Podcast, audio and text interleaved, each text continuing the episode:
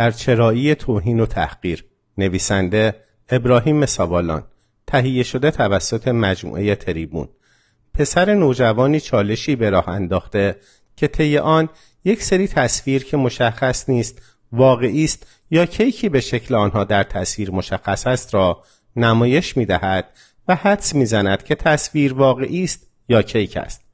تلفظ ق به صورت گ توسط ایشان مورد توجه کاربران شبکه های اجتماعی قرار گرفته و دستمایه تولید ویدیوهایی با مضمون واقعی یا کیکه شده که عمدتا با هدف تمسخر و متعاقبا تحقیر این نوجوان تولید شدند. ابراهیم ساوالان فعال مدنی ترک در خصوص توهین و تحقیر نوشته برخی بر این باورند که شوونیسم ایرانی چنان در وجود تک تک افراد این جامعه ریشه دوانده که خواسته و ناخواسته توهین و تمسخر دیگران چاشنی کلام همگان شده است این شوونیسم درونی شده و نهادینه شده چنان همهگیر است که حتی افراد فرهیخته نیز گاهی ناخواسته عبارات توهین آمیز و تحقیر کننده ای در قبال غیر فارس های ایران به کار می‌برند. برخی نیز بر این باورند که تمسخر و توهین ملیت ها به عنوان ابزاری برای کنترل اجتماعی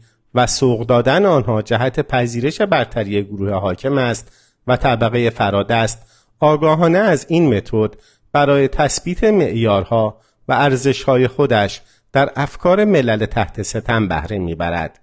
پیتر برگر جامعه شناس و استاد سابق دانشگاه بستون آمریکا بر این باور است که مسخره کردن چیز بی‌ضرری مانند لهجه یک گروه ابزاری است تا به وسیله آن بتوان حس خود پست بینی را در میان افراد آن گروه نهادینه کرده و آنها را به پذیرش معیارها و ارزشها و زبان گروه حاکم وادار نمود. مالکوم ایکس سخنران برجسته سیاهان آمریکا در سالهای 1960 می‌گوید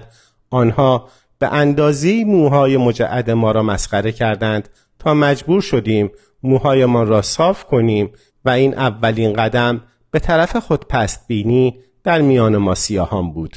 سالها سختی کشیدم تا لحجه مانند لحجه معیار سفید پوستان زیبا به نظر بیاید زیرا ریشخند این پیام را به ما داده بود که اگر خودتان را با معیارهای ما تطبیق ندهید جایی در این جامعه نخواهید داشت آیا توهین و تمسخر فرهنگ ها و زبان ها از یک امر درونی شده ناخواسته به یک برنامه آگاهانه در جهت پایمال کردن شخصیت و هویت جمعی ملیت ها ارتقا یافته است.